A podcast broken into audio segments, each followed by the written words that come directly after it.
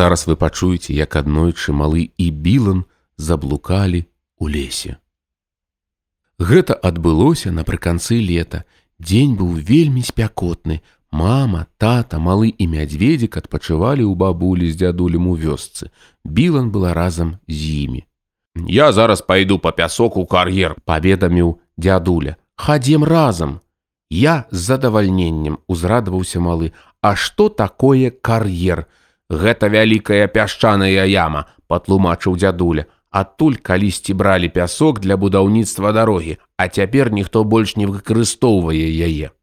Здаецца, там павінна быць цікава, узрадавалася білан. І яны пайшлі.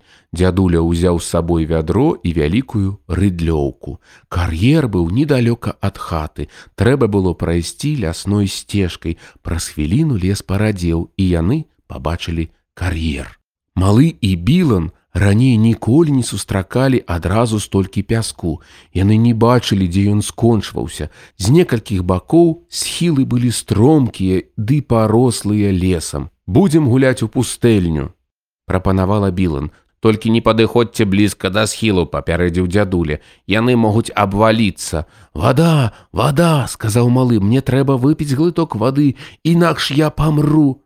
Але ж ты піў перад тым, як прыйсці сюды, здзівіўся дзядуля. Няўжо ты ўжо зноў хочаш піць. Гэта ж гульня патлумачыў малы і засмяяўся. Зразумела, супакоіўся дзядуля, ты ж цяпер у пустэльні. Малы і білан поўзалі вакол і шукалі ваду. Я ўжо набраў поўнае вядро пяску, сказаў дзядуля, зараз пойдзем да хаты. Малы і білан зусім не ўсцешыліся што гульня мусіць скончыцца, так і не паспеўшы як след пачацца, але яны ўсё адно пайшлі за дзядулем.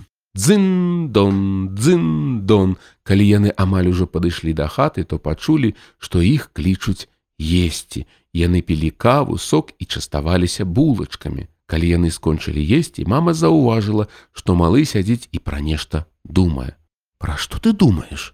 запыталася яна.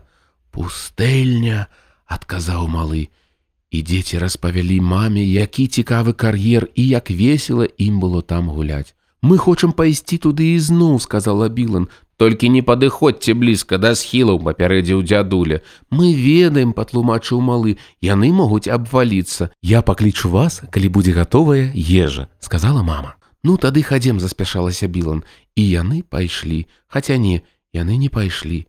Калі яны былі задаволеныя нечым, то звычайна скакалі, яны паскакалі. Дзеці лёгка знайшлі кар'ер, яны прабегліся лясной сцежкай і апынуліся на месцы. Яны зноў пачалі гуляць у пустэльню, свяціла сонца, было вельмі спякотна. Гэта добра, заўважыў малы. Так было б у пустэльні. Раптам яны нешта пабачылі. Крыху далей у іншым куце кар'ера нешта блішчэла. Здаецца, гэта вада ўзрадавалася білан. Хадзем туды, паклікаў малы. І яны ішлі даволі доўга. Калі яны падышлі бліжэй, то пабачылі яму з вадой. Яна была вельмі бруднай каб піць, але яны засталіся там і доўга гулялі. Потым малы адчуў, што яму ўжо хочацца есці. Хадзем да хаты прапанаваў ён. Яны пайшлі сцежкай цераз лес. Я таксама згаладалася, сказала Білан. Яны ішлі хутка і доўга. Потым лес стаў радзець, але яны не пабачылі хаты бабулі і дзядулі яны апынуліся на паляне. Замест дрэваў засталіся толькі пні галінкі ды ямы. Сцежка тут сканчалася далей ісці было вельмі цяжка.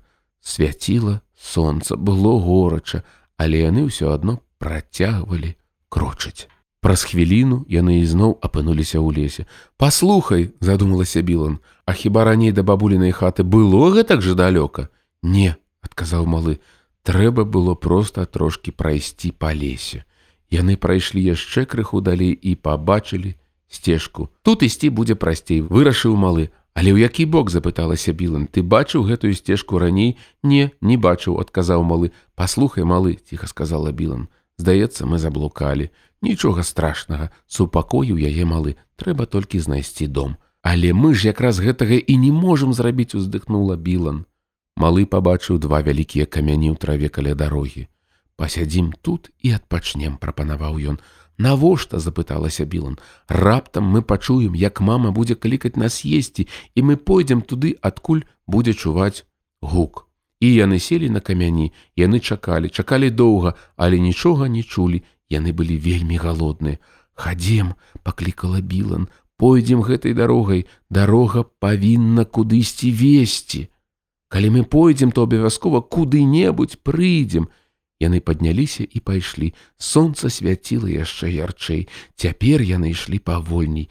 Яны стаміліся і хацелі есці. Я засумаваў па бабулі, сказаў малы, і я таксама пагадзілася Білан. Яна не твая бабуля, заявіў малы. Я ведаю, сказала Білан, але я ўсё адно па ёй засумавала. Дарога прывяла на вялікую паляну, дзе таксама былі скарчаваныя дрэвы. Сонца свяціла, вакол не засталося дрэў, якія б давалі цень, было сапраўды горача. Паглядзі туды, сказаў малы. Чарніцы. На паляне раслі чарніцы, яны пачалі іх збіраць, потым селі на пень ды елі. Білан выглядала сумнай. Уяві сабе, што мы не знойдзем дарогу да хаты перад тым, як сцямнее, сказала яна. Малы нічога не адказаў, ён еў чарніцы. Калі ён іх з'еў, то зазначыў: Я ўжо больш не лічу, што тут весела, толькі ўяві, што ў нас зусім не будзе ежы. Яны пайшлі далей дарогай, якая зноў завяла ў лес. Яны ішлі павольна, яны стаміліся, засумавалі і заблукалі. Я яшчэ ніколі раней не быў так далёка ад дома, паведаміў малы. Адкуль ты ведаеш, запыталася Білын. Ты ж сам не ведаеш, дзе ты. Раптам яны пабачылі дом. Побач з дарогай стаяў стары драўляны дом. Ён быў зусім маленькі і вельмі нізкі і цёмны. Ура! закрычала Білан. Хутка ўсё будзе добра. Мы зойдзем туды і запытаем, як знайсці дарогу да хаты. Яны падбеглі да дзвярэй. Тук-тук, тук-тук, яны пастукалі ў дзверы, потым пачакалі, ніхто не адказваў. Тук-тук, тук-тук. Яны пастукалі яшчэ раз трохі гучней, потым яшчэ пачакалі, і ўсё адно ніхто не адказваў. Зазірнем у вакно, прапанавала Білан. Яны пабачылі, што ўся мэбля была пакрыта цёмнай тканінай. Як дзіўна, прашаптала Білан. Дом пусты нікога няма. Яны зазірнулі ў іншае вакно. На стале стаялі некалькі шклянак з зубнымі шчоткамі. Здаецца, што хтосьці аднойчы проста адчыніў дзверы і сышоў з хаты, зазначыў малы. Пойдзем адсюль, прапанавала Білан. І раптам яны пабачылі шторы. На ўсіх вокнах віселі чорныя шторы. Чорныя шторы, сказала Білан, быццам бы хтосьці памёр. Яны пабеглі адтуль з усей эмоцый. Яны не азіраліся, дзеці беглі дарогай вельмі хутка паблізу выкарчованых дрэваў паляны, на якой яны збіралі чарніцы і паблізу камянёў, на якіх яны сядзелі і адпачывалі, свяціла сонца. Яны ўсё беглі і беглі. Раптам ім падалося, што яны штосьці пачулі, дзеці спыніліся. Дзын-дон, дзын-дон. Гук быў вельмі ціхім. Яны так гучна дыхалі, што амаль нічога не чулі. Што гэта было? запытаўся малы. Толькі уяві сабе, калі гэта, тады яны зноў пачулі: дзын-дон, дзын-дон. Гэтым разам гук быў мацнейшы. Гэта мама кліча нас есці, закрычала Білан і пабегла гэтак хутка, як толькі магла. Малы пабег за ёй гэтак хутка, як толькі мог ён. Дзын-дон, дзын-дон. Мама стаяла каля хаты і біла ў міску. Тады яна пабачыла дзяцей, якія беглі да яе з усяе моцы. Мы вярнуліся, закрычаў малы і абняў маму. Бабуля, я засумавала па табе, закрычала Білан і абняла бабулю. Пра што гэта вы размаўляеце, здзівілася мама. Мы зноў дома, сказаў малы.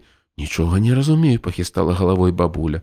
Справа ў тым, што калі малы і Білан пабеглі гуляць у пустэльню, яны былі вельмі ўсцешаныя, але мама з бабуляй ўсё адно падлічылі, што яны павінны вярнуцца да абеду. І вось цяпер абед гатовы. Мама паклікала дзяцей і яны прыбеглі, і мама з бабуляй не бачылі ў гэтым нічога дзіўнага.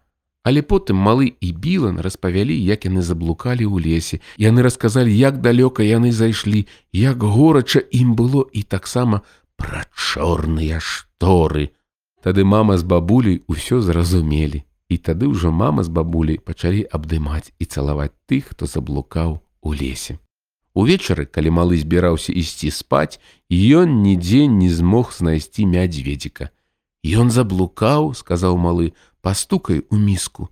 Толькі не цяпер, запярэчыла мама, ужо позна, лепей пашукайма яго. Яны знайшлі мядзведзіка пад ложкам. Малы распавёў мядзведзіку пра свае прыгоды. Заплюшчы вочы мядзведзік, папрасіў ён. Мядзведзік заплюшчыў вочы. Вось так выглядалі чорныя шторы, патлумачыў малы. Толькі ўяві сабе, але мы збеглі адтуль і прыбеглі да хаты. І цяпер я побач з табой мядзведзік. Так яны ляжалі побач і выглядалі вельмі задаволенымі і малы і мядзведзік.